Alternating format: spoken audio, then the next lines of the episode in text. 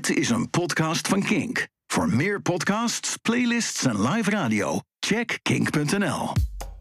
10, 9, 8, 7, 6, 5, 4, 3, 2, 1. Gelukkig nieuw festivaljaar!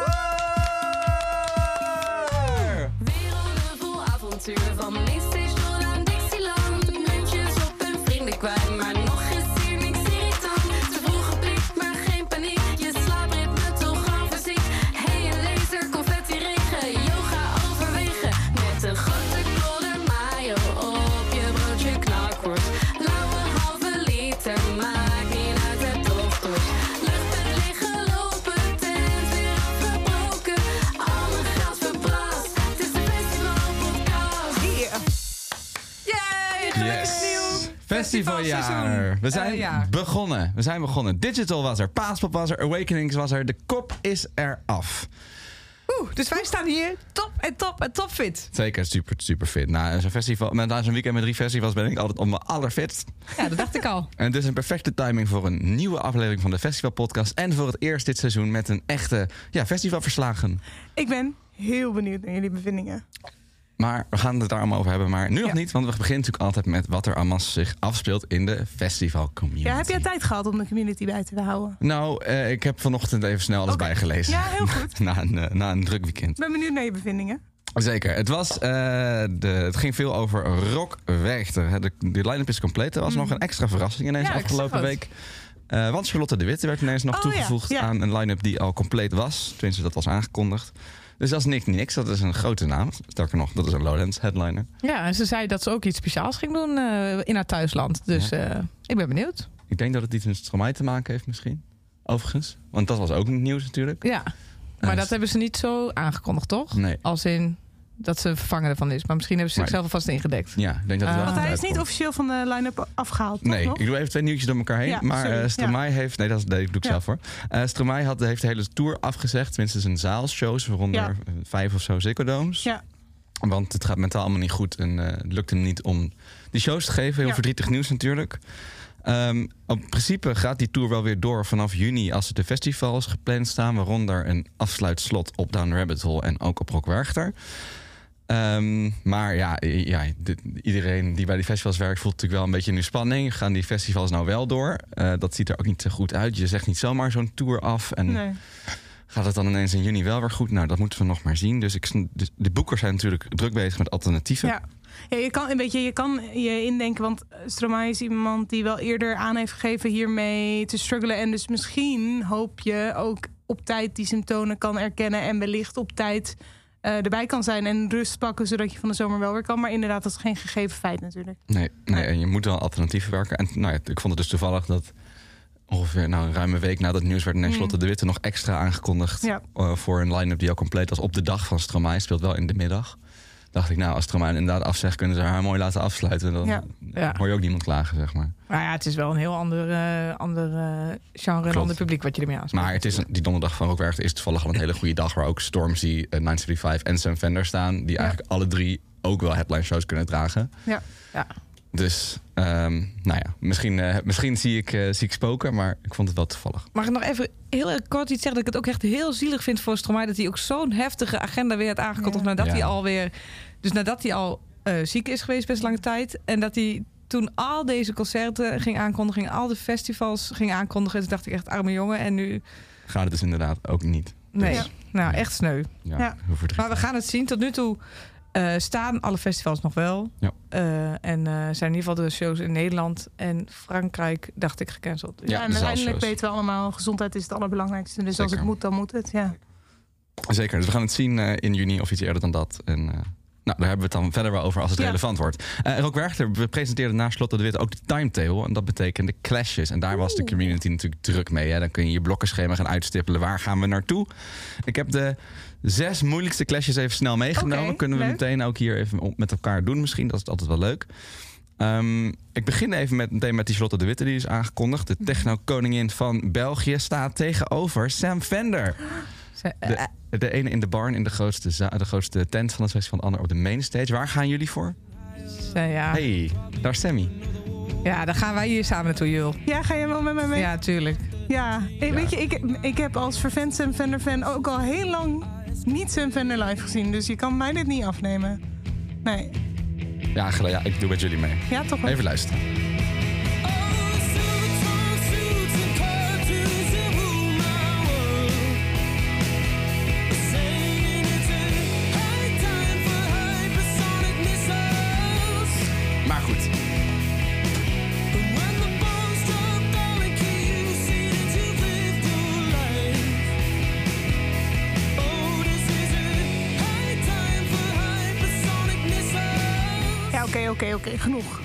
Genoeg. Maar wel de. Witte gaat dus ook een speciale show weggeven. Ja, Daar ook benieuwd naar. En dus grote Lowlands Maar wellicht is het geen clash.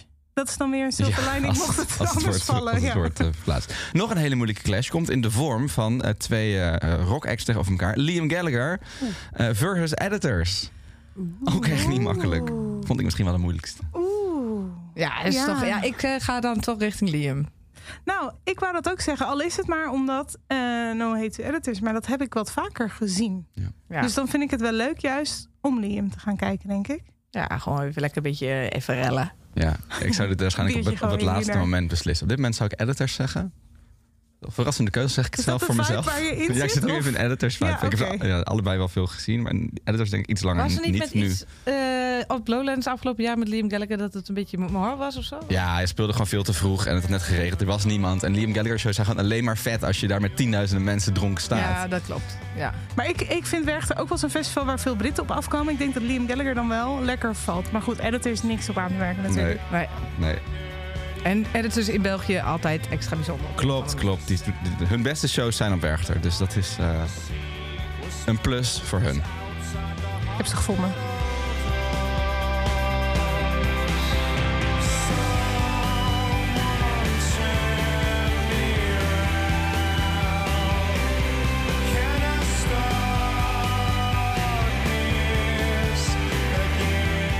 Clash of niet? Ja, ik doe er nog drie. Even snel. Eh, de Black Keys staan tegenover Ben Howard en tegenover Slowthai. Oh, dat is een moeilijke. Dat is ook echt wederom weer een moeilijke. Kies maar. Ja. denk ik, want die heb ik laatst gemist op Lowlands, denk ik. En toen hoorde ik dat ik wat had gemist. Wie was de eerste? Ik heb alleen Ben Howard en Sloten De Black. Keys. De Black Keys. Oef. Ja, ik ga naar Ben Howard. Dan ga ik met Black Keys. Nou, gezellig. Spreek we het Dan zo af, allemaal zien we een goede jullie elkaar. review. Ja. Allemaal iets gezien. Oké, ook tegenover elkaar staan Paolo Nutini en Sophie Tucker. Oh. Eh, zei jij niet vorige keer in de podcast dat Sophie Tucker tegenviel op... eh, Ja, ik op ga naar Lollapalooza in eh, mee? Zuid-Amerika. Ja, laten we naar Paulo Ja? gaan. Ja, ik ga ook sowieso naar Paolo. Ja, prachtig. Ja. Zin in dat ook Down Rabbit Hole headline slot. Oh. Eh, en tot slot, eh, Rosalia hebben we ook vorige keer over gehad. Was de Ja. grote ster van Lollapalooza in Zuid-Amerika. Ehm, maar staat tegenover de machtige Queens of the Stone Age op Rock Werchter. En waar ga je dan voor? Ja, Rosalia. Ja, ik ook. De ster van vandaag of de rocksterren van gisteren? Zeker. Ja? Ik ga ook zeker naar Rosalia. Zo benieuwd. Leuk, gaan we met z'n drieën. Yeah, yeah.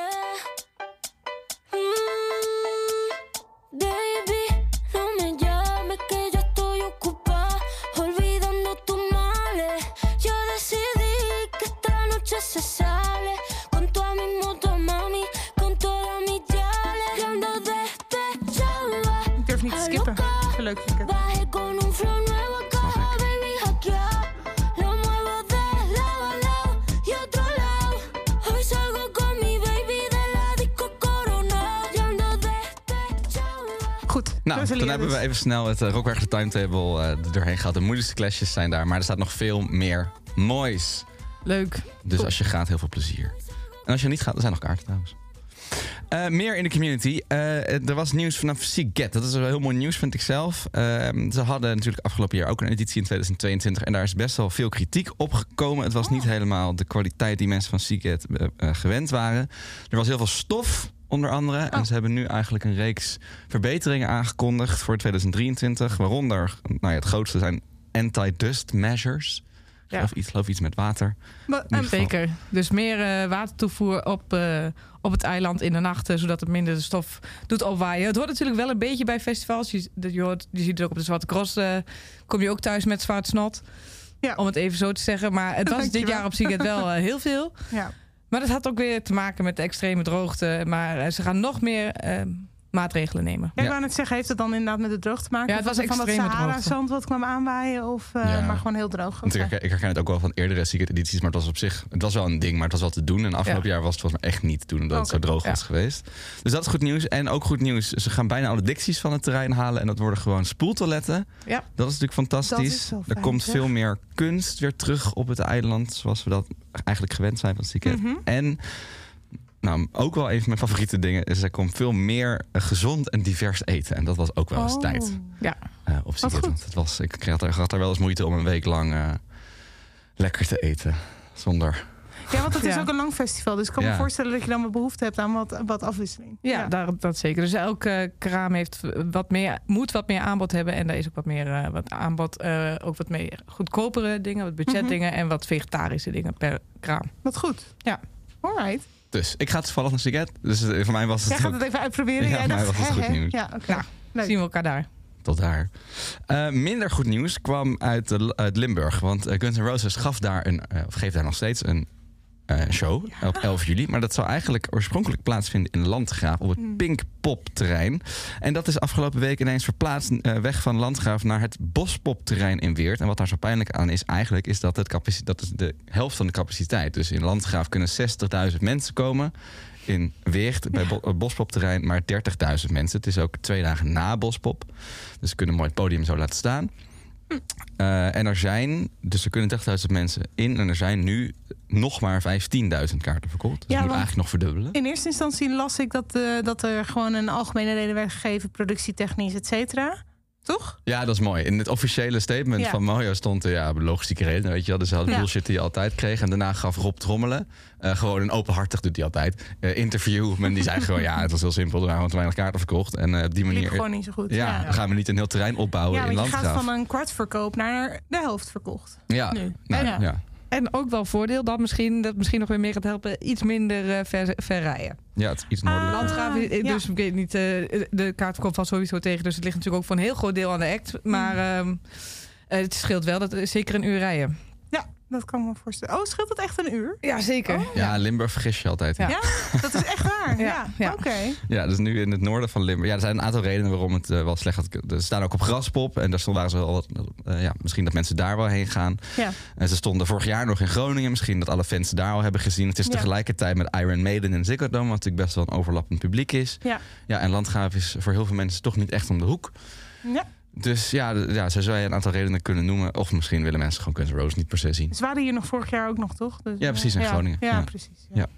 Ja, ja oké. Nou ja, Dus ook. Ehm, opdat de mensen die erheen gaan eh, het fijn vinden dat het verplaatst is. Ja, ik zou ze wel graag willen zien. Ze stonden natuurlijk eigenlijk op Pinkpop ooit, op die gecancelde edi- editie. Ja.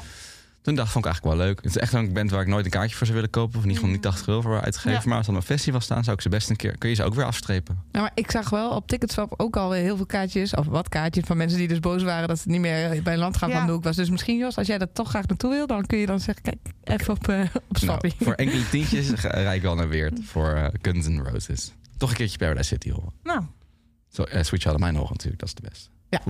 Phew, daar stelde je net op tijd.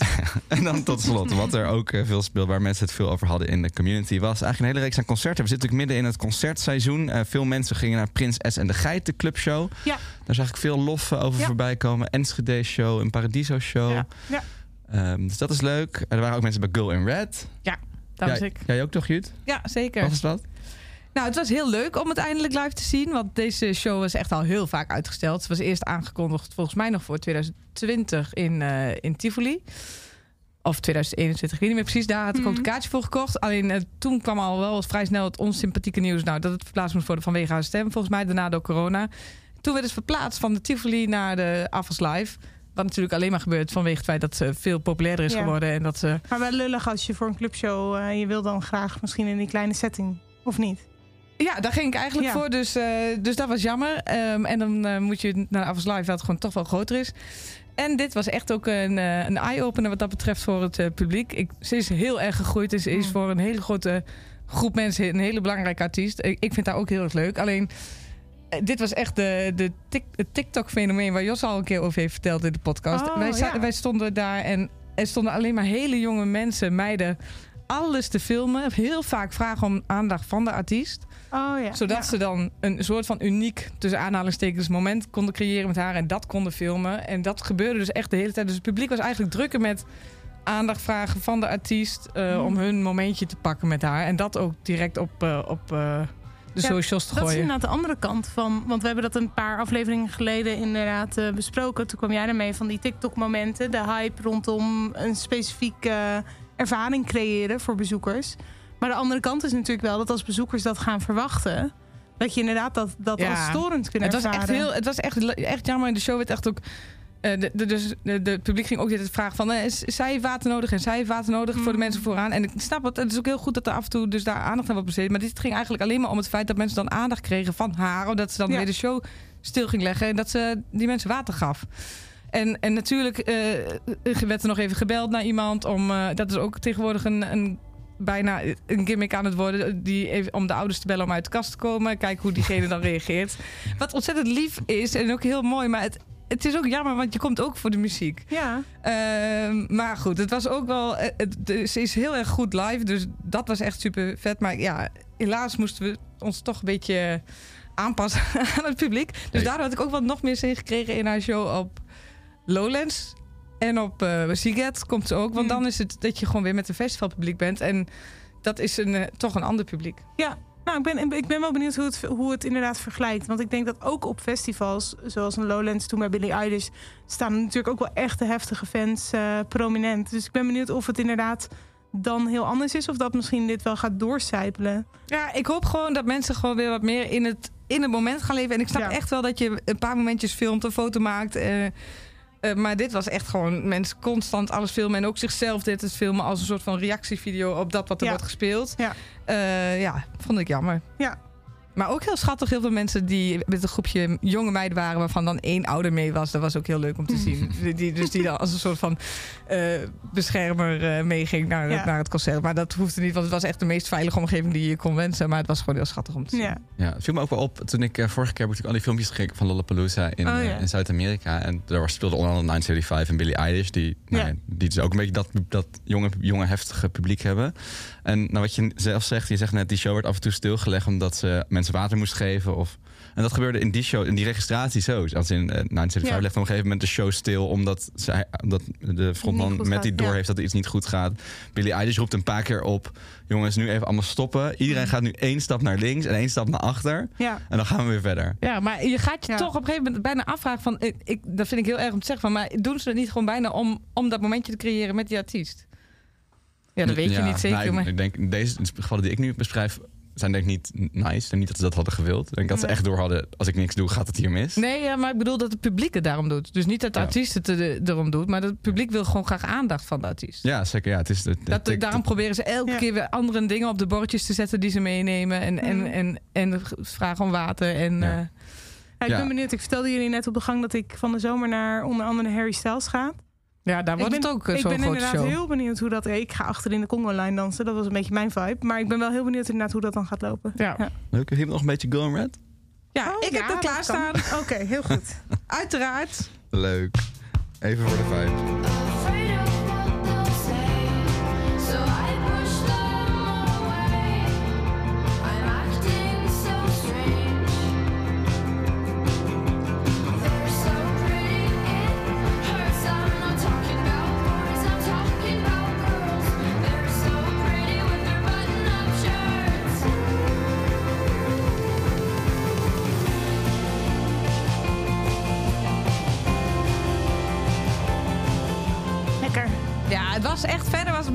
Echt helemaal geweldig fantastisch. Dus nu al zin in de volgende shows. Leuk. Dus nog op Lowlands en op Ziget, wie dat wil zien.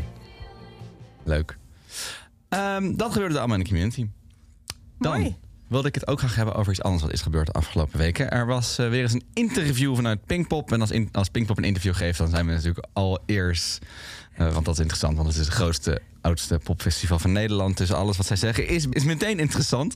En ook dit keer, want de festivaldirecteur Nick Murray sprak met het eh, Financiële Dagblad. En daarin maakte hij eigenlijk een punt dat hij bang was voor de toekomst van Pinkpop. En dan specifiek eh, de headliner pool.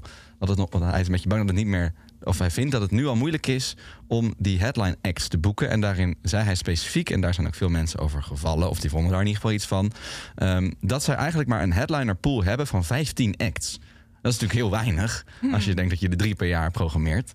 Ehm, Hè? Maar een pool ook echt. ja, hij zegt, we zijn, hebben eigenlijk maar 15 acts om uit te kiezen. En als het niet een van die 15 acts is, dan verkopen we gewoon heel veel minder kaarten. Dan hebben we een, pro- een probleem. Rel- nou, ja, dat zei hij. Het is wel echt heel weinig goed. eh, als, je, als je zo zegt 15, dan Ja. zit gelijk, gelijk in je hoofd eh, te denken: wat. wat Ja, we gingen natuurlijk meteen de 15, de 15 bepalen. Welke 15 zijn dat dan? Hè? Ja. Dat is een leuk spelletje. Ja. Ik heb, ze even, ik heb, ik heb Ja, even gezegd wat ik denk. Oh, oké, ja. ik denk deze 15. Pearl Jam, Metallica, Foo Fighters, Red Hot Chili Peppers, Rammstein, Green Day, Muse, Bruce Springsteen, Kings of Leon, The Cure, Robbie Williams, Imagine Dragons, Billie Eilish, Guns N' Roses en Pink. Dus, Oké. dan, dus dan kun je bij deze alvast de headliners van volgend jaar bepalen. Dat zijn drie van Ja. die 15. Maar goed, ik vond het grappig, los van die 15. Ik vond eigenlijk Kan natuurlijk enigszins gechargeerd zijn. ja, en dat- kan een beetje uit context Ja. gehaald zijn. Maar toch, er zal er, het, het, het gaat wel over een probleem wat Pinkpop wel echt heeft. Ja. Ehm, alleen ik vind dat ze dat probleem heel erg zelf hebben gecreëerd. Ja.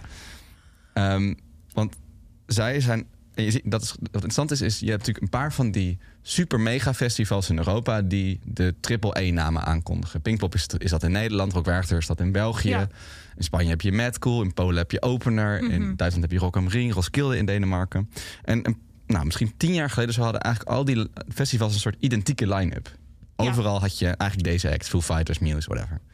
Eh Coldplay kwam nog wel eens langs, dat Ja, soort. ja. En eigenlijk sindsdien heeft iedereen, het zijn de festivals een beetje andere kanten opgevaard. En daarin zie je heel erg dat Pinkpop heel erg is blijven vasthouden aan, aan die generatie acts en die type acts. En heel erg heeft vastgehouden aan het, aan het, aan het concept. De dag draait om één act en de rest is opvulling. Mm. Alleen je komt voor de afsluiter en de rest is leuk meegenomen. Ja. Terwijl andere festivals, zoals Rock Werchter, zijn eigenlijk veel breder gaan programmeren. Als in de Barn, dus de grootste tent op Rock Werchter, heeft eigenlijk de acts die in Nederland de Best Kept Secret en Down the Rabbit Hole staan. Ja. Dus daar kun je Fred Again checken en New Order checken en dus eh, editors checken. Nou, die staan ook Ja. op Pinkpop. Eh, en daardoor zijn ze eigenlijk heel veel interessanter voor een grotere groep mensen. Als in mensen die in Nederland naar Best Kept Secret gaan, gaan niet zo snel ook naar Pinkpop. Ja, Omdat nee. die houden van Radiohead en die houden van Nick Cave. En dat zijn, dat zijn eigenlijk geen Pinkpop headliners, maar het zijn wel Werchter headliners. Ja. Ehm, dus, ik, dus ik vind eigenlijk dat, dat Pinkpop dat, dat, dat probleem zelf heeft gecreëerd. Ook als je checkt naar bijvoorbeeld Opener in Polen dit jaar... heeft eigenlijk een hele progressieve line-up. Die hebben bovenaan staan Arctic Monkeys, Kendrick Lamar... Lizzo, Lil Nas X en Tsa. Overigens vandaag een Ziggo Dome show aangekondigd. Oh. Dat Eh. Roskilde heeft ongeveer hetzelfde. Ros, heeft Kendrick Lamar, Lil Nas X, Rosalia, Blur en Burna Boy. En bombardeert maar Caroline Polachek ook ineens tot headliner. Oh, ja. Ehm, en dat vind ik super vet. Dat is natuurlijk super progressief. En zo zie je dat als dat, dat zij dus hun publiek een soort hebben opgeleid. Of ze hebben niet gewoon een bepaald publiek aangetrokken of gehouden. Mhm. Niet alleen de fans van Muse en van Foo Fighters en Rage Against the Machine. Maar ook mensen die Arctic Monkeys als een super headliner zien. Of mensen die misschien Gorilla's gewoon als een echte volwaardige. Dat, zeg maar, dat Ja. is voor, voor die mensen de top act. Maar als zij gewoon deze pool gewoon net even ietsjes groter maken, kunnen ze toch in principe met deze strategie wel doorgaan. Het is dan niet een festival wat jij leuk vindt, omdat jij graag wat meer eh, acts wil zien. Maar er zijn wel heel veel mensen die het wel heel leuk vinden op deze manier, toch? Ja, maar, maar droogt de pool niet een beetje op? Ik denk dat dat Nou is ja. wat jij zegt, Jos. Ik denk dat je moet, moet blijven... Een beetje waar we het ook met Glastonbury over hadden. Je moet kijken naar wat wil je laten doorstromen uiteindelijk. Ja, maar Eh, misschien ja. is de pool nog wel iets. Want nu de eerste een nieuwe act die erbij zat, of een jonge act, is Billie Eilish, toch? Ja. Denk ik. Ja. Die noemde misschien dat, Ik we al, dat- ze, dat we eigenlijk ook een Harry Styles Ja, ik en Beyoncé zeggen- misschien daar ook wel bij kunnen Ja. zetten, als het haalbaar is voor Pinkpop.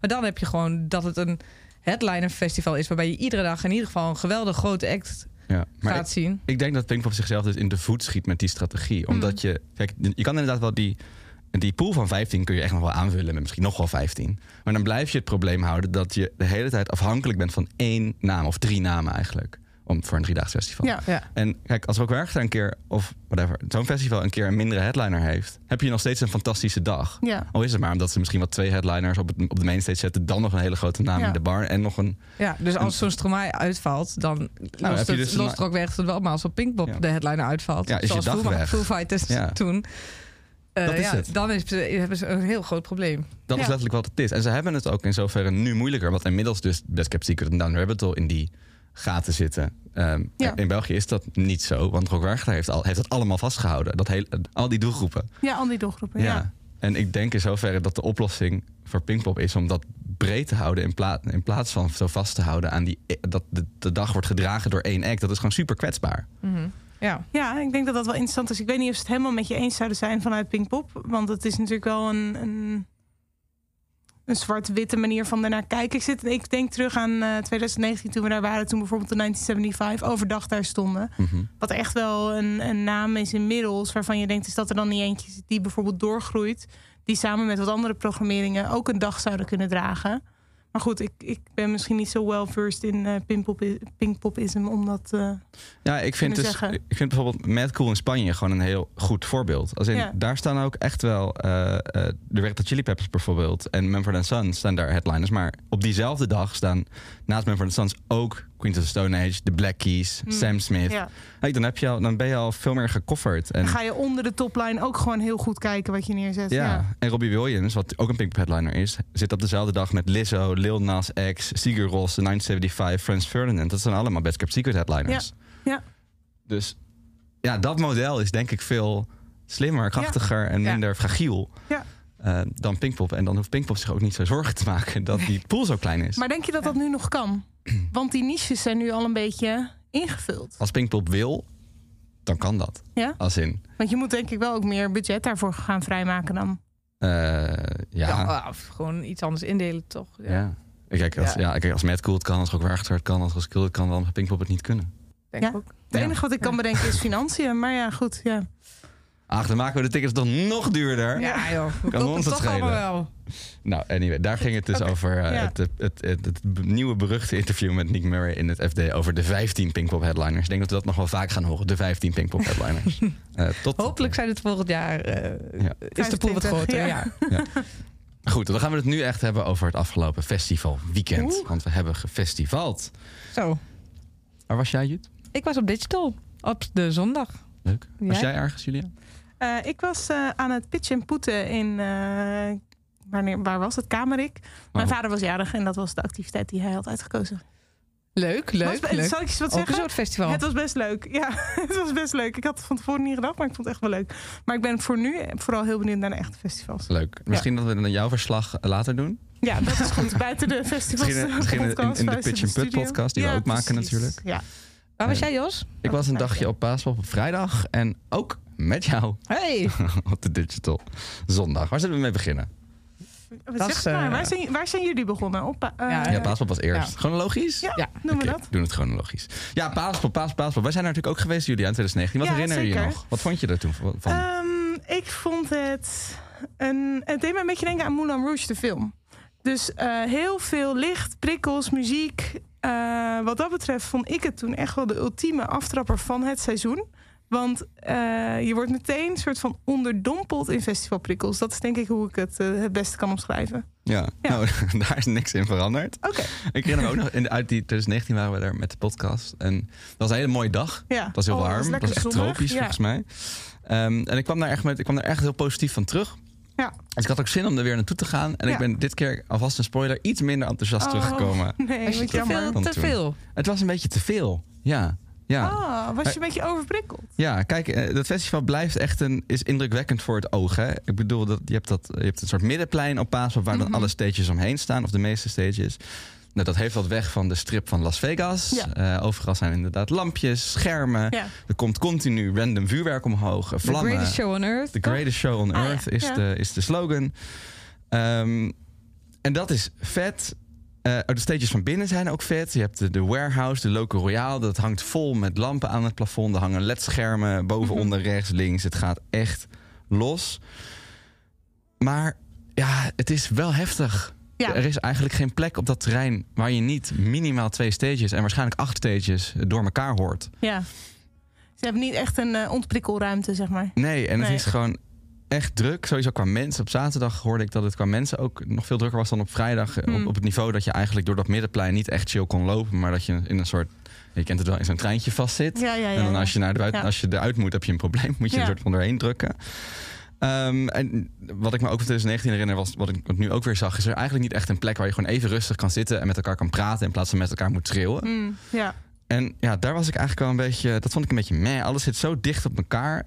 Deed me op veel momenten ook wel een beetje denken aan Zwarte Cross... als je het hebt over hoeveel stages er zijn. Alleen Oh Ja. Zwarte Cross is vele malen groter en Ja, een uitgestrekter. terrein. Ja. En hier staat nou, misschien wel evenveel stages. On- nou, dat is misschien niet helemaal waar, maar wel echt heel veel stages. Maar ze zitten allemaal vlak naast elkaar. Oké, Dus het is wel zo dus dat het was wat de- Ja, het heftig. ziet er heel compact uit inderdaad. Ook als je Mhm. op de video's kijkt op, eh, op socials. Als in dat alles eh, staat erg dicht op elkaar. Dus ik kan me ook voorstellen dat je inderdaad alles door elkaar hoort. Ja, dat is zelfs soms in de tent. Dat je in één dat je een andere tent er doorheen hoort beuken. Ja. Ja. Specifiek is- was dat Oh, vaak ja. de warehouse waar, Ja. de, waar, de, waar er echt flink gestampt werd. En als je dan in een iets Ja. minder heftig feestje zat, dan hoor je dat gewoon er doorheen. Dat vond ik jammer. Wat ik ook jammer vond.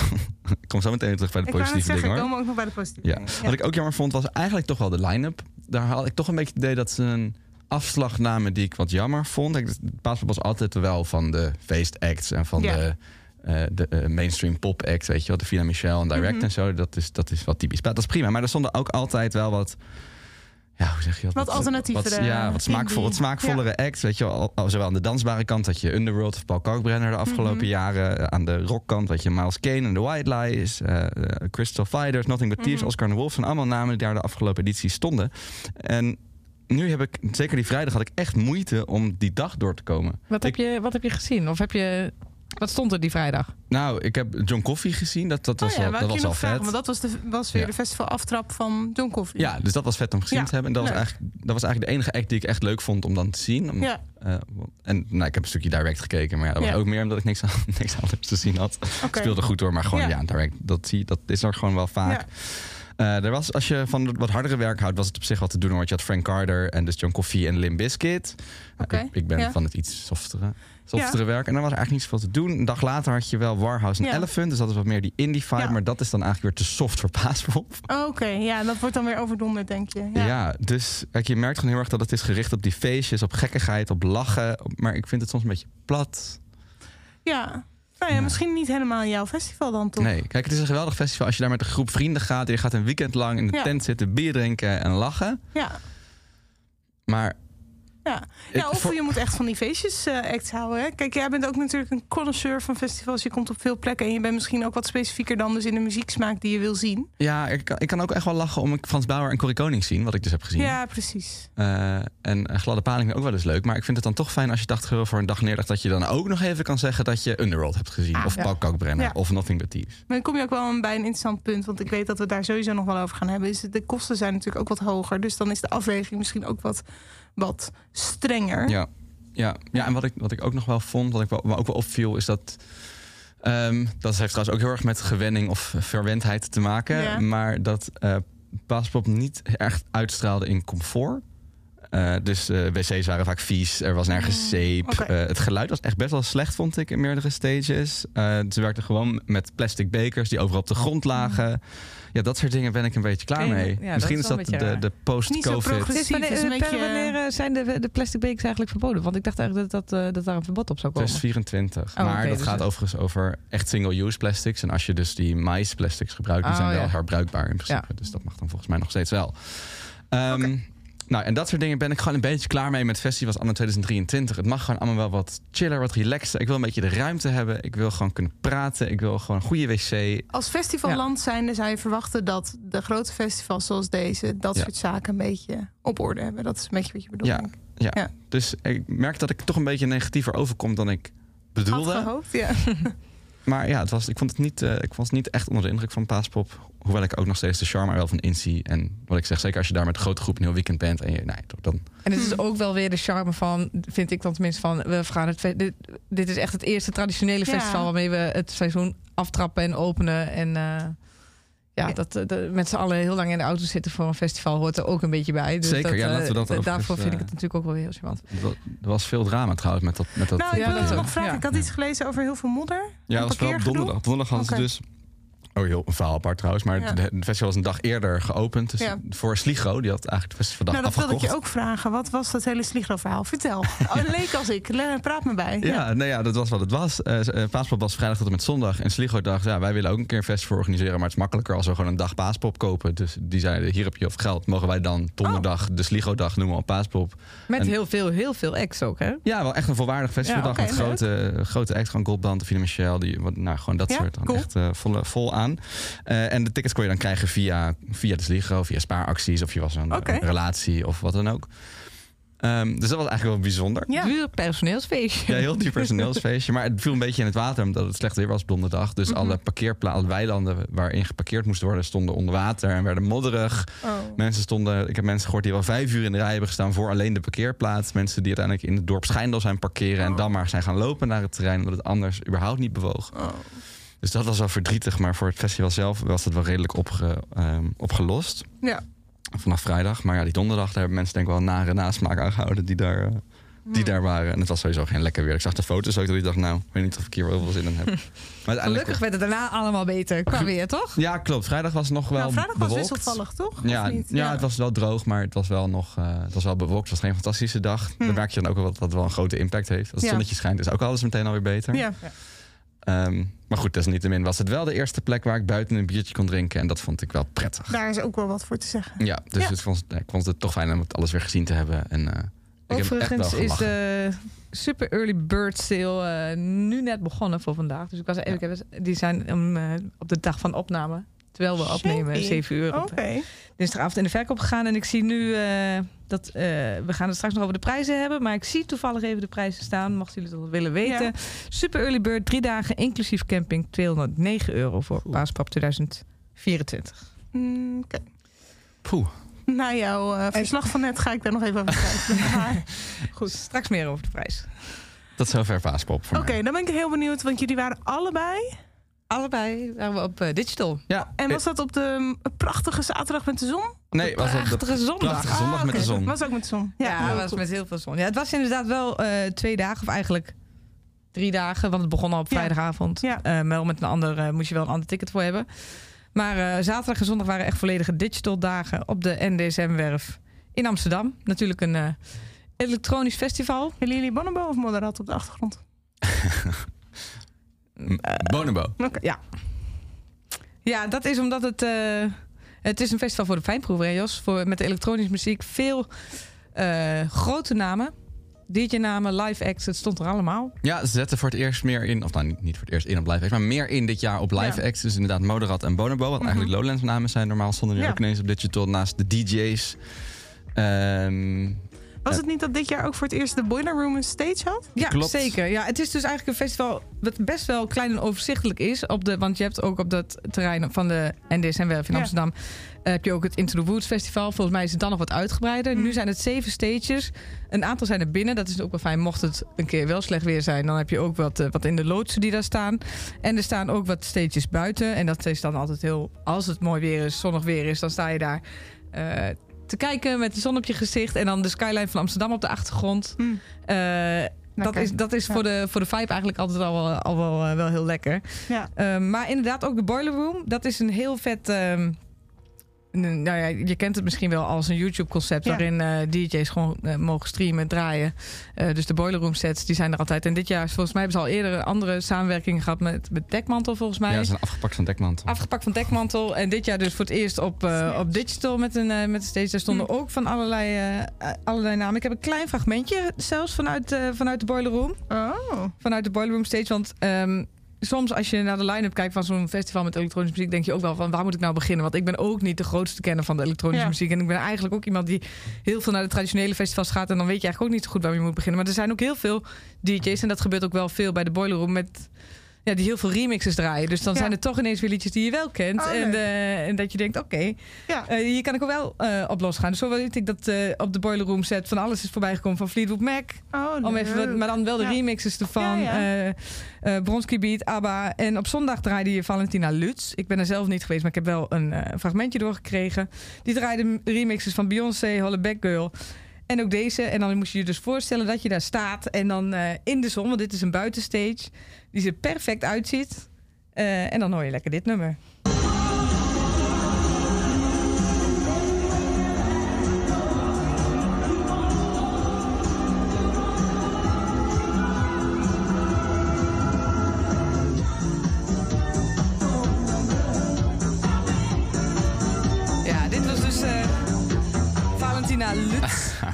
Euforisch, hè? Ik heb best wel veel Ja. van dit soort setjes gezien. Ook in, die, in de Frequency, die kleine kas. Oh ja, ja, ja, ja. Dat was ook waren gewoon disco sets. Ja, Dat is echt lekker, ja. Dat is, e- dat is heerlijk. hè. Oh, Dat, dit maakt het weer, dat maakt het behapbaarder voor iemand als ik. ja, Dat je inderdaad ook een beetje, eh, zeg maar, uit als je, eh, want voor mij zou dit inderdaad echt nieuw zijn. Dus dan zou het misschien ook wat daunting zijn om te zeggen, ik ga een hele dag me helemaal onderdompelen in deze muziek.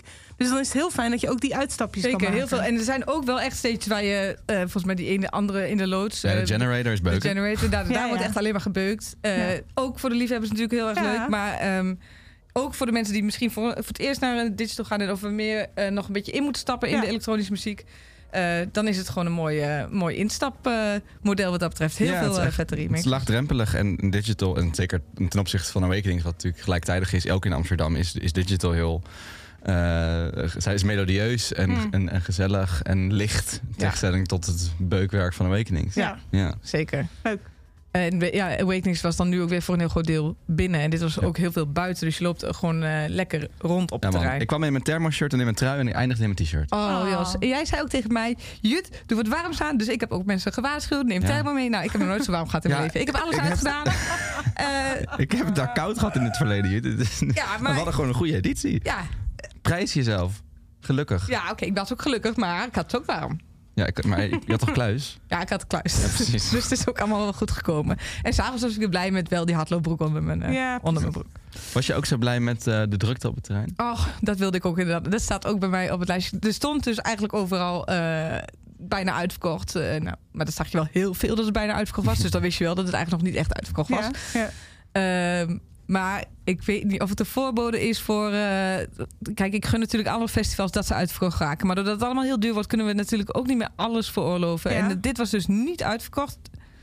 Eh 92% stond volgens mij online, of misschien 98%. 95. Oh, 95. Oké. Maar het was heerlijk ru- rustig. Als in, niet, niet te Het was te rustig, maar je kon heerlijk doorlopen. je Oh, kon geen wat rijen fijn. bij de bar. eh, geen rijen bij de toiletten. Of, of gewoon heel Nou, korte ja. En geen rijen bij de ingang. Dus het, en wat ik ook, ook altijd eh, heb op de NDSM is dat ik alweer een beetje van baal dat je niet echt makkelijk weg kan. Ik vind het toch wel lekker als je weet, nou ik pak straks mijn fiets of ik pak straks de trein en dan Ja. kan ik weg. En, maar hier moet je dus met de pont. Dus toen dacht ik, oh ik moet weer misschien een kwartiertje eerder weg. Dat heb ik dus nu gedaan. Omdat dat pontje, dat, dat heeft nogal de, de... Ja, je denkt dat je daar echt nog Ja, uren daar- van je leven moet gaan staan wel voor de gestaan. Ja. Ja. Oh ja, ja, ja. Eh, want dan moet iedereen tegelijkertijd van het terrein af om 11 uur. Ja. Eh, maar ik ben dus om kwart voor elf weggegaan. Maar ik hoorde later dat het eigenlijk best wel soepel ging. Bij mij ging het al soepel om kwart voor elf. Maar daarna ook gewoon nog steeds eh, soepel. De, de Hmm. pontjes kwamen af en aan. Dus je kon heel goed weg. En ja, ik vond het echt een verademing. En ik hoop echt dat meer festivals erover nadenken. Om het, ik snap dat ze allemaal liever wat meer kaarten willen verkopen. Maar, verkopen, maar dit was echt heel lekker qua... Ja, of gewoon goed trein. letten op de doorstroming, doorstroming. Als je wel weet dat je uitverkoopt, dat je even goed dat een Ja. beetje probeert. Hoewel het ook wel weer jammer was misschien. Want ze hadden dus ook veel live acts voor het eerst geprogrammeerd. En ze hadden ook die hele zaal, die heette ook de live. Eh daar was het ook best wel rustig. Misschien dat het festival ook nog niet helemaal klaar was voor de live acts. Dus dan hebben we het over bijvoorbeeld een eh, Max Cooper was je volgens mij, Jos. En een eh Colorado. Daar zal ik even nog wat Mhm. van laten horen. Want dat was wel ook Ja. echt wel een hoogtepuntje. Eh, maar daar was het echt... heel- eh, Charlotte Adigeri en Popul stonden daar ook. Hm. Maar daar was het echt heel rustig. Ja. Dat was het dan toch wel weer misschien een beetje zonde. Maar ja, Ja, ik vind ja. het lekker, dus die rust. Maar dat is misschien voor die act weer een beetje Maar jammer. ook omdat zij in een donkere loods binnen stond, terwijl het buiten lekker weer was. Ja, dat klopt. Misschien als het iets later Ja. was op de avond, dan, dan eh, was het wel weer wat drukker geweest. Maar ehm Coloray, eh, hoe heb jij dat ervaren, Jos? Ja, prachtig. Ik was op Noorderslag, vond ik het een beetje tegen. Van, een, vor- vorig jaar was het echt een van de sterren van het seizoen. En toen ging Noorderslag, viel het een beetje tegen. En dit nu was het eigenlijk weer helemaal terug zoals ik het hoopte. Het was echt een superleuke show. En ik merkte dat de mensen die er waren eh, het ook echt allemaal goed kenden. De, de tracks werden gewoon meegezongen. Ehm, en ik vond het gewoon interessant. Kijk, wat je zegt, eh, natuurlijk meer die live acts. En er is gewoon eigenlijk best wel een groot verschil tussen een live act en een DJ. En de, onze reporter Boys geeft dat best wel mooi op in een artikel. Kijk, het verschil is bij die DJ's ben je eigenlijk meer met, een, met je groep bezig. Je staat met je rug naar het podium toe. Je bent met elkaar aan het dansen en je bent Ja. met elkaar bezig. En met een live act sta je allemaal met je hoofd naar het podium. En je niet, op, niet echt op elkaar te letten en aan het letten wat op het podium gebeurt. Dat is natuurlijk best wel een hele andere experience. Ja. Eh, en zeker als je niet weet dat je daar naartoe gaat, eh, je bent gewoon een digital, je denkt gaat dansen, is dat best wel misschien niet wat je zoekt. Ja. Ja. Dus ik denk dat dat ook een verklaring is waardoor het best wel leeg was, toch in die zalen. En dat het iets is waar mensen nog aan moeten wennen. Ja. Ehm, en- Hoewel het dan soms bijvoorbeeld bij zo'n... eh, waar we misschien nog straks nog even kort over hebben, over Moderaat. Daar hebben we wel eens op, eh op eh Down Rabbit Rabbit Hole echt bij een hele volle zaal Ja. gestaan. En nu sloten ze eigenlijk het festival af in de modular. Wat weer ver- verwarrend is qua naam. Maar eh, daar was en het, modular. Ja, dat was, daar was het ook echt best wel rustig. Dat kan ook te maken hebben met dat iedereen in een... eh, eh, de hele dag dansen. Dit was het einde van de avond, dus daar is het hoogtepunt. Ehm, en op Rabbit Hole is dat ook een soort van hoogtepunt. Maar dan weet je dat er nog een hele nacht komt, dus dan is Ja. het weer eh, anders. Ja, en ik kan me ook wel voorstellen dat ze doen dit voor het eerst zo uitgebreid. En dat de mensen die van live muziek houden en elektronische live muziek houden, digital nog wat meer moeten vinden. Ja, En dus dat, dat zou ik ook wel logisch vinden. Ik vind de festivals die op dat snijvlak zitten altijd echt fantastisch. Pitch was dat altijd, We Are Electric was dat altijd. Weet je, wel, zowel elektronisch als live. Mhm. Eh, helaas zijn die twee festivals ter ziele. Dus ik hoop dat het digital eh, beter Ja, afgaat. En dat zij die mooie mix kunnen vinden tussen eh, live en maar ook de grote techno- en house namen. Zodat, die, dat, zodat het samen kan gaan. En de populariteit van beide mooi in elkaar overgaan. En wat mij betreft is het, perfect samen te gaan. Zoals het is bij Coloré. ja. Even luisteren dan. Is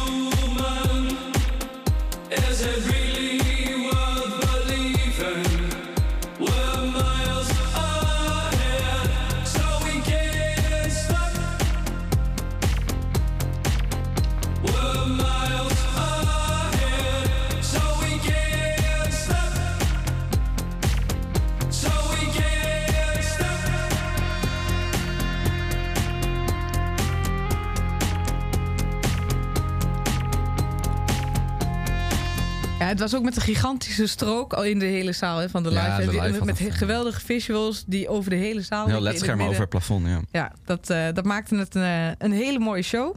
Ja, ja, ik hoop dat ze de lijn doorzetten. Het is gewoon fijn om met de mensen met wie je ook naar Lowlands en Down the Rabbit Hole gaat... ook naar de digital te kunnen gaan. Ja. Weet je wel, het is gewoon lekker... Het, Hm. het, het pakt die doelgroepen samen. En nou ja, zoals ik al vaker heb gezegd, dat vind ik altijd prettig. Ja, Als- alleen jammer dat het alweer om, el, om 11 uur al is afgelopen. Hè? Nou, ik dat. vond het een lange dag. Oh. We waren er al op tijd. Ja, dat is wel. We waren wel mooi op tijd. Eh, ook leuk aan Digital. eh de volledig circulair festival. Daar merk je ook wel aan Ja. alles. Dus eh, ze doen eh, eh, eh, heel erg veel aan om het ehm, nou, zo min mogelijk afval te produceren. Eh, er is alleen maar eh, vegetarisch optie aan eten en drinken. Eh, ze hebben zelfs manieren om de ontlasting van mensen uiteindelijk weer om te Ja, verwerken in eh, te gemaakt. mest en, eh, en nog wat andere dingen. Dus dat zie je heel erg op alle fronten van het festival terug. Dus da- daardoor ook wel weer wat minder. Maar dat, daar staat het festival niet onbekend om. Het is niet heel veel aankleding, maar het is juist op het terrein van de NDSM-weg. Dus daar wil je juist de industriële looks van wat daarbij hoort. Het is een beetje minimalistische aankleding, maar Ja. wel heel erg Het duurzaam. industrieel. Ja. En dan, hoe- ja, dan hoef je, als, dat, als je de NDSM-werf als decor hebt, dan hoef je ook verder niet, eh, niet heel veel eh, gekke dingen te doen. Terwijl de stages er geweldig uitzien. En daar zijn de visuals en de lichten en de Ja. lasers zijn, eh, zijn perfect. Maar Geluid was goed. Geluid was goed, verder geen, v- geen gekkigheid eh, op, de, op het. eh, Ik vind het dus vet dat op het hele terrein was geen vuilnisbak te vinden. Maar ik heb er eigenlijk ook niet één nodig gehad. Zit Nee, ja, ik had op een gegeven moment kauwgom die ik uit moest doen. Dat was wel even Oh een probleem. Oei. maar toen kwam ik erachter dat er dus geen vuilnisbak Maar wat moest je dan doen? Wat, wat ik met mijn kauwgom heb gedaan? Ja. Ja, heb ik ergens in een bananenschil gedaan die erg lag. Maar wat, moest je, wat werd je geacht om met ja, je afval te doen? Ik denk dat, dat weet ik niet. Hm. Het was, maar ik vond, ik vond het dus een heel klein, heel klein probleem, maar ik vond het vooral nice, want het zag er gewoon mooi uit. Ja. Er was helemaal niks van dat. En dat vond ik cool. En ze hebben dus ook nergens, dat is Maar- een van de grootste eh, vervuilers normaal, is een dieselgenerator. En alles werkt dus op groene stroom in accu's. Ja. Misschien kom ik nu heel vanille uit de hoek, hè, maar hoe doen mensen dat dan met eten? Eh, alles komt op, eh, op, eh, op hard, hard plastic en dat geef je gewoon terug. Oh, zo. Ja, mensen lopen ook terug inderdaad met hun spullen naar de, de bar. En lopen ook heel veel mensen rond wel trouwens met, eh met eh, het opruimen of zo. opruimen, ja, Ja, oké. Ja. Als we toch alweer eten en drinken hebben. Daar hebben we het ook bij Paaspop nog niet over gehad. Misschien, eh, kijk, we weten allemaal dat we echt even goed eh, de benieuwd, financiën op orde moeten hebben. Willen we deze festival zo mooi overleven? Dus het was ook wel weer spannend wat er aan zat te komen. Sowieso. ehm, ja. Ik zag, vond ik, een heel overzichtelijk artikel op festileaks.com over de kosten van Paaspop. Nou, laten we daar eens mee beginnen. Wat betaalde je op Paaspop voor een kopje koffie Nou of ja, een correct me if I'm wrong, maar ik zag dat het nog met muntjes gedaan wordt. Dat je Ja. voor 12 euro 3,5 munt kocht. ik geloof, ja, zoiets. Ja, dat het was ongeveer heb... eh, 3,40 per, per ja, muntje. daar kwam je dan op neer. En dat je wat was het? Ehm Eén muntje is een biertje of een fris. Wel een klein biertje. Klein biertje, 0,2. inderdaad. 0,2 is wel klein. Hoeveel was het, een groot biertje? Of hadden ze die niet? Nee, dat had ze niet. Nee. Oh, jemig. Dan ben je ook nog eens veel heen en weer aan het lopen. Ja, dus je kan beter twee tegelijk halen. Ja. Nou, ben je meteen twee muntjes kwijt. Nee, meteen ja. twee minuutjes bij. Ehm, weet je nog wat een broodje kroket bij de Bourgondier was? Ja, twee munten, dus dat is zo'n 7 euro. Ja. Dat is best duur voor een broodje kroket. En ik was vooral in shock toen ik een, een lekkere bol haalde. En ik daar 4,5 munt, oftewel ruim 15 euro voor neerlegde. En dat was wel een beetje ja, de, Ja. de prijzen voor het, voor het eten. Dat was echt wel duur. Ja, Eh, Misschien is het dan ook wel echt duurder met, eh, met, oh, met munten. Want ik denk dat digital was eh, 7,50 euro voor een grote bier. Maar dan hoeft hij dus... eh, dat is gewoon zonder munten. Dus het is iets minder pijnlijk of zo. Het is nog steeds heel duur, maar... Maar eh, hoeveel is een groot bier? 7,50 euro. Maar bijvoorbeeld over het eten is... Bier is eigenlijk nog steeds wel heel duur op digital. Maar misschien eh, op, eh, op digital betaal je bijvoorbeeld 7 euro voor een tosti. Een hotdog voor 9,95. Een burger voor 9,95. Dat valt nog mee. Nee, het is duur, maar ja, Ja, klopt. Nou, het scheelt natuurlijk ook. Dit is een heel ander festival. En je gaat Ja. daar vaak 's middags pas heen en je gaat s'avonds weer weg. Terwijl op paasbal word je wakker. Dan moet je dus ontbijten, lunchen, avondeten. sna- Je bent daar s'nachts nog. Ja. Dus dat tikt natuurlijk ontzettend aan ten opzichte van, van digital. Dat scheelt natuurlijk een hoop Ja. in, in de kosten eigenlijk. Ehm, maar ja, zeker. Op, ik was er ook dus maar een dagje op paasbal. Dus voor mij viel het ook wel mee. Plus ik was onderweg, had ik even al ergens wat gegeten. Dus ik hoefde Ja. op het terrein niet zo heel veel meer te eten. Maar stel dat ik daar wat gegeten. Ik zit even te denken. Nou, 15 euro was ik dus kwijt voor echt een goede maaltijd. Stel je doet dat drie keer, drie keer per dag. Ben je dus zo 50 euro kwijt aan eten. Dan, nou, je gaat echt wel 10 drankjes drinken toch wel op Ja. zo'n dag. Ja. Nou, dat, dat, daar ben je dus ook ruim 30 euro aan 30 kwijt. Dus euro, 50 plus 30 is al, is al 80 euro. ja, en dan heb je nog niet over de kosten van de toegang naar het festival, weet ik het, de parkeerkosten, dat soort Ja, dingen. Ja, Dus, dus je bent echt wel 100 euro per dag eigenlijk wel kwijt. Ja, dat is flink. dat Ja. is een hoop geld. Keer drie, 300 euro. Maar- Hadden jullie, ik heb daar een onderzoek over gezien. naar gezien, naar de kosten van. eh Hebben jullie dit meegekregen? Oké. Nee. Ehm, Eén vandaag publiceerde, nou laatst, was het vandaag, dat weet ik niet, maar publiceerde een onderzoek onder jongeren die naar festivals gaan. ehm, rondom de kosten van festivals. Dus de vraag was: he- heeft de inflatie en de verhoogde kosten impact op het eh, bezoek van festivals? Nou, dat, dat heeft het. Maar ook op het gedrag van mensen die dan wel naar festivals gaan. Als in, wordt je consumptie dan minder? Nou, een aantal mensen hebben aangegeven, ja, mijn consumptie wordt dan minder. Maar wat ik wel heel interessant vond en wat ook wel de kop was, is dat een aanzienlijk aantal van de bezoekers ook heeft aangegeven dat ze daarin hun drugconsumptie, drugsconsumptie, wellicht toe laten nemen om op die manier te kunnen verminderen op de gewone consumptie. Dus er was letterlijk een quote uit het onderzoek van iemand die zei: Ja, voor 20 euro heb ik een ecstasy-pil en gratis water de hele dag. Daar ga ik dan ook wel op. ja. Ja, ik hoor, het, ik hoor het ook steeds meer om me heen. Ik snap het wel. Ja? Ja, als je, ja, het scheelt je- echt een hele hoop op een festivaldag als je, als Ja, je aan het druk gaat. Ja, je hoeft niet te eten. Ja, nee, dat scheelt. Je drinkt gewoon water. Ja, Ja, dus ik denk dat we dat wel veel gaan zien de komende zomer. Hmm, Eh, dat, was, dat was natuurlijk echt al wel, eigenlijk afgelopen jaar al wel zo. Je merkte het wel meer. Je merkt het ook in de muziek, weet je wel. Dus eh Godband en Go to Gym en zo, zeg maar. Die acts die echt populair zijn onder jonge mensen. Dat gaat zoveel over drugs. ja. Eh, volgens mij is dat ook wel een pandemie dingetje. Weet je, heeft dat ook wel iets mee te maken? Mhm. Huisfeestjes en zo.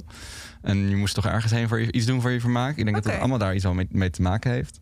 ja, dat veel jongeren, nog veel jongere mensen er nog veel meer in, mee in aanraking zijn gekomen. Alleen al daardoor, door die muziek Ja. en door, eh, door COVID times. Dat denk ik ook. Interessant. Ik vond het wel eh, shocking. Ik, Ja, sna- het is- ik snap het wel, maar tegelijkertijd dacht ik, oh, goh, ja, oké. Ja, ik denk dat het ook echt wel iets voor festivals is om, om op te gaan letten. En dat, Ja. dat is trouwens bij Digital, toch nog even daarop terugkomen, Ja. eh, gebeurde dat ook veel. Er liepen eh, awareness teams echt eh, rond. Er stonden WhatsApp-nummers gecommuniceerd overal. Heb je problemen? Er stonden heel veel kramen met mensen. Heb je vragen over drugs? Heb je problemen met drugs? Kon je gewoon stellen. Oké, heel open. Heel ja, het ging ook niet alleen. Ja, die awareness teams die zijn inderdaad ook voor drugs, maar ook voor als je onveilig Hmm. zou voelen. Dan kun je daar ook naartoe gaan. Dus dat, dat, Wat mooi. ja, dat is super mooi dat die Ja. daar heel veel rondlopen. En die mensen waren ook heel opvallend. eh, Ja, klopt. Overal Op, te op zien. bijna elke hoek stond wel iets of iemand. Eh, Less is more wordt overal gecommuniceerd. Eh, Celebrate Safe is natuurlijk een campagne die je steeds op Ja. veel, veel meer plekken ziet. Ik denk Dus- dat dat ook de manier is om ermee om te gaan. Want eh, je kunt het toch niet tegengaan. En het gebeurt toch. Dus Ja. ja. dan kun je het ook maar beter zorgen dat, het- dat, dat Ja. je mensen een beetje op weg helpt. En ze een beetje veilig, eh, zich Ja. een beetje veilig laat voelen. Want er is niks ergens dan dat je je dan niet veilig voelt. Ja, zeker een generatie die het misschien heeft geleerd op huisfeestjes. En nu, en nu dat in de grote boze buitenwereld komt doen, is het natuurlijk, zeg maar, voorlichting Ja. is nummer één prio. Ja. Eh, en als mensen het idee hebben dat ze dat kunnen doen zonder dat ze daar problemen mee krijgen, is dat denk ik heel waardevol en heel belangrijk. Dus ik vond het heel mooi op, om digital om dat te zien. En volgens mij zijn veel meer festivals daarmee bezig om heel bewust eh, dus awareness teams te laten rondlo- rondlopen en daar campagnes op te doen. En nou, Celebrate Safe is daar dus wel een goed voorbeeld van. Hm. Het is altijd ook gewoon wel weer. Het is ook heel ironisch om te zien. Als in dus dat het heel goed is dat er is. En, maar het is ook ironisch om te zien dat er heel streng gecontroleerd werd bij, eh, bij binnenkomst. Hmm, Oké. Dus dat is altijd wel. eh, dat moet ook natuurlijk. ja. eh, maar het is altijd wel een beetje eh, ironisch. Ja, dat is inderdaad wel een beetje tegenstellig. Maar ehm, ja, we, we gaan het zien deze zomer. We gaan het zien. We gaan erop Ja, ik ben benieuwd. ja, het is wel iets in mijn achterhoofd in ieder Ja. geval. Ik ben wel benieuwd of je dat echt... eh, ik weet niet of ik het uitpik, maar goed, ik hoor het graag van jullie of jullie dat zien. We houden allemaal onze ogen open deze Ja, festivalzomer. en de festivalzomer die is dus voor alle duidelijkheid geopend. De Yay. kop is er af. Wat was het prettig, wat was het leuk. Is ik heb het nou zin zo dat er jij dan nu elk weekend alleen maar op een festival staat? Jos? Nou, eh, we zeggen altijd heel hard, het festivalseizoen is geopend. Maar in de praktijk betekent het eigenlijk dat we tussen nu en eind mei eh, nog een soort gat hebben. Oké, ja. Maar vanaf... eh, Ja, we hebben de, de Koningsdagfestivals nog en bevrijdingsfestivals. Dus Ja, het zijn net even iets anders. En daarna gaan we denk ik echt eh, eh, los. Ja, ja, vanaf in ieder geval nou, rond 1 juni is het elk weekend wel eh, los. Dus dan eh, maken we ook veel podcasts overal, verslagen. En je hoort ons ter plekke, je hoort ons daarna, ervoor, voorbeschouwen, nabeschouwen. Het komt allemaal weer voorbij, de zomer komt eraan. Ik heb er zin in. Ik ook. Goed, dan sluiten we Ja. vaak af met de tip van de om de week. ja. Lekker iets om mensen, mee naar, om mensen mee naar huis te sturen... om de podcastloze weken mee door te komen. Ja. Heb jij iets leuks, Joel? Ja, nou, leuk, leuk. Ehm, ik, eh, ik merk dat ik va- vaak val in de series en de films. Maar goed, ehm, maar ik heb er weer een.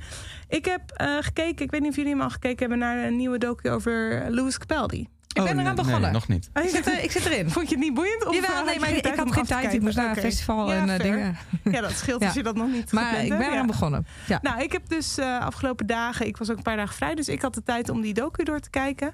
En eh, ja, ga, eh, ga hem kijken, Ja, ja. zou ik zeggen. Ik moet zeggen, ik ken eigenlijk alleen de hits van Louis Capaldi. Het is niet dat ik zijn eh, eerste album eh Binnenste Buiten grijs heb gedraaid. En ik ken hem van, eh, van de social media content, moet ik zeggen. Want ja, het is een grappige gast. Ja, Dat ik is ken hem wel, ook vooral als comedian. ja, een, Beetje, een beetje side comedian is natuurlijk zijn bijbaan.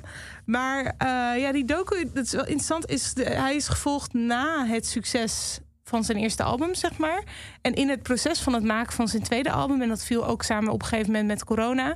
eh, en eigenlijk viel het ook samen met de ontdekking dat hij dus Tourette's heeft. Dat is inmiddels wel eh, een bekend verhaal. Maar hij wist dat dus schijnbaar tot vlak voor kort zelf ook niet. En hij begon wel een bepaalde tics te vertonen. Anxiety noemde hij het zelf. Maar hij had niet echt door wat dan echt de gevolgen waren. En het is een, ik vind het een hele mooie docu die zowel laat zien wie hij is... maar ook een beetje dat dat humor een bepaald eh, shield is. Een bepaald iets wat hij opzet, een bepaald masker... Eh, maar daardoor is het de docu en grappig en leuk en vermakelijk, want het is een vermakelijke gast. Maar ook heel erg diepgaand en laat heel goed zien wat voor effect je mentale gezondheid heeft en hoe belangrijk dat is. Ook in zo'n wereld waar je weinig beschermd wordt als artiest. Nou heb ik wel het idee dat de mensen om hem heen hem meer in bescherming hebben genomen. Het loopt redelijk goed af volgens mij.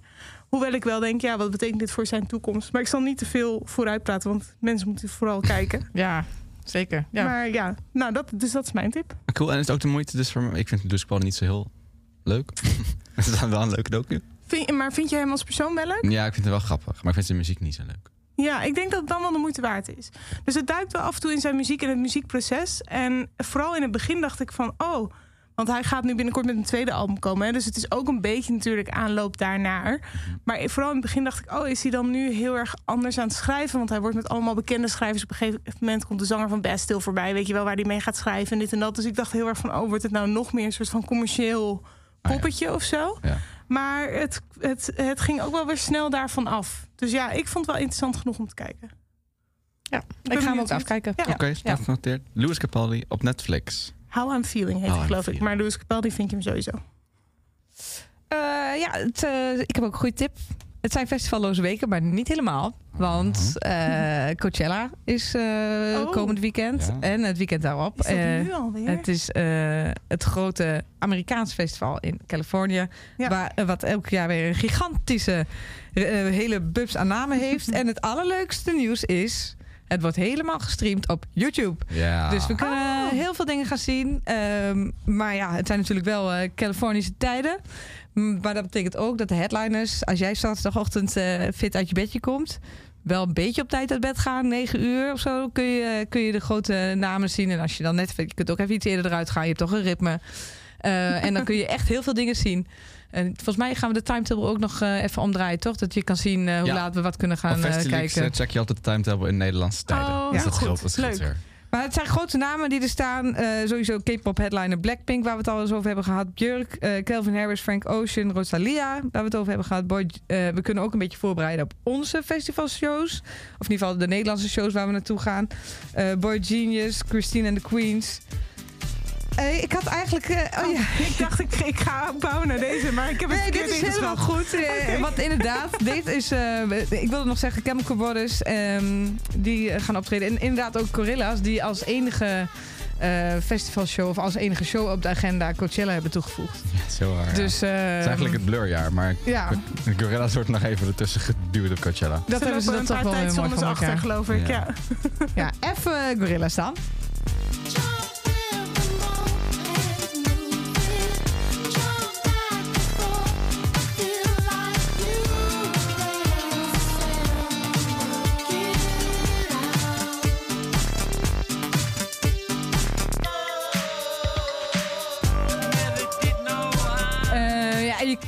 Natuurlijk ook eh, kijken op TikTok en op Insta. Want Coachella is ook het festival van alle influencers. eh, mensen die zichzelf heel erg eh, Belangrijk, vinden. Die ja. gaan ook. Dat is, ik vind het dus super vet dat het festival alles mag uitzenden. Dat we het allemaal kunnen zien. Maar je weet ook aan de andere kant, tenminste, dat Imago heeft het festival voor mij een beetje eh, als een festival waar je als bezoeker misschien wat minder snel naartoe wil. Of misschien juist wel om het toch een keer mee te hebben gemaakt. Maar het is een festival waar heel veel mensen naartoe gaan om gezien te worden. Ja. Dus dan kun je ook even daar snel een, eh, een kijkje nemen. Ook misschien kijken wat de festival outfits zijn die je aan kunt doen. Of je kiest toch zelf een betere outfit. Eh, maar kijk dus inderdaad vooral op, op YouTube. Want eh, van 14 tot en met 16 april en van 21 tot en met 23 april... ze hebben eigenlijk twee weekenden waarin alle artiesten... gewoon allebei de weekenden eh, optreden. Dus eh, lekker kijken. Je hoeft niet helemaal festivalloos de- door eh, de rest van april. Wat een goede tip. Ja, ik ga lekker kijken. Ik vind dat heerlijk inderdaad. Lekker 's ochtends vroeg even kijken waar we zijn in de timetable. En dan heb je vaak precies de headliner. Ja, heerlijk. Lekker. En we nemen vast de hoogtepunten ook wel weer mee volgende keer in de festival. Ja, ik ben wel benieuwd, ja. Dat eh, is natuurlijk eh, wel Ja. relevant. Het grootste festival ter wereld, geloof ik, Coachella. En jij, Jos? Ik heb ook nog een tip van de om de week. Want nu je toch een podcast aan het luisteren bent, heb ik nog een podcast die je wel kan luisteren. Zelfs een podcast-serie. Die heet DJ Zij slash Haar. Die is gemaakt door eh, ons zeer gewaardeerde redactielid van ook deze podcast, Malou Gouders. En van degene die, van, eh, die we kennen van onze eh, intro. Ja, klopt, klopt. Oh ja. Ja. Het intro van de Festival Podcast. Ze heeft ook meegewerkt aan de, de podcast DJ Zij Haar. Eh Malou die is DJ, maar ook journalist. En eh, zij vraagt zich eigenlijk af waarom er zoveel mannelijke DJ's zijn. Dus ze spreekt met eh, boekers van Digital en Extrema onder andere... hoe dat eigenlijk kan en wat ze daaraan doen om dat eh, beter te maken. Of dat überhaupt wenselijk is om dat te doen en hoe je dat eigenlijk kan doen.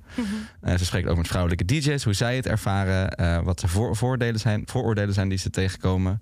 Eh, een van mijn favoriete eh, anekdotes in de podcast is wanneer ze eh, DJ Wanna Be a Star spreekt. die een anekdote vertelt over dat ze aankwam bij een, bij een gig en, en haar, met haar chauffeur of met iemand binnenkomt. En dat iedereen die mannelijke metgezel van haar verwelkomt en zegt: Oh, leuk dat je er bent, fijn dat je de DJ bent. En dat zij op een gegeven moment zegt: Jongens, ik ben de DJ. Nou, en dat soort voorbeelden zitten continu in, in die podcastserie. En het is echt super interessant om eh, zeker bijvoorbeeld de boeken van Digital te horen over wat ze daaraan doen en op welke manier ze dat subtiel proberen te veranderen. Ehm, Het zijn drie afleveringen. Ja. Erg de moeite om Goed te luisteren. behapbaar. Ja. Hoe lang zijn de afleveringen ongeveer? Ik geloof ongeveer 20 minuten. Oh. Dus dat is goed te doen. DJ, zij, haar, check het op Spotify of waar dan ook. Het is trouwens uitgegeven. Korter als dat wij het altijd proberen te houden. Ja, klopt. Het is trouwens Sorry. uitgegeven Kunnen wij er door, eh, leren? door Tivoli Vredeburg. Tot zover de tips. Je kan weer een hoop kijken, lezen, luisteren. En over twee weken zijn wij weer terug. Maar niet voordat we geven staande ovaties, oneindige karmapunten en spontane confetti-douches voor Mick Hummel voor dat schitterende podcastlogo. Daar zijn ze. Wietse Wempe en Malou Gouders voor ons intro-anthem. Joris Timmerman voor de montage en Malou ook wederom voor de redactie. Vond je het leuk? Abonneer je dan nu in Spotify of in je podcast-app. En over twee weken zijn we er weer. Yay! Tot volgende podcast. Tot dan! Bedankt voor het luisteren naar deze Kink podcast. Voor meer, check de Kink app of kink.nl.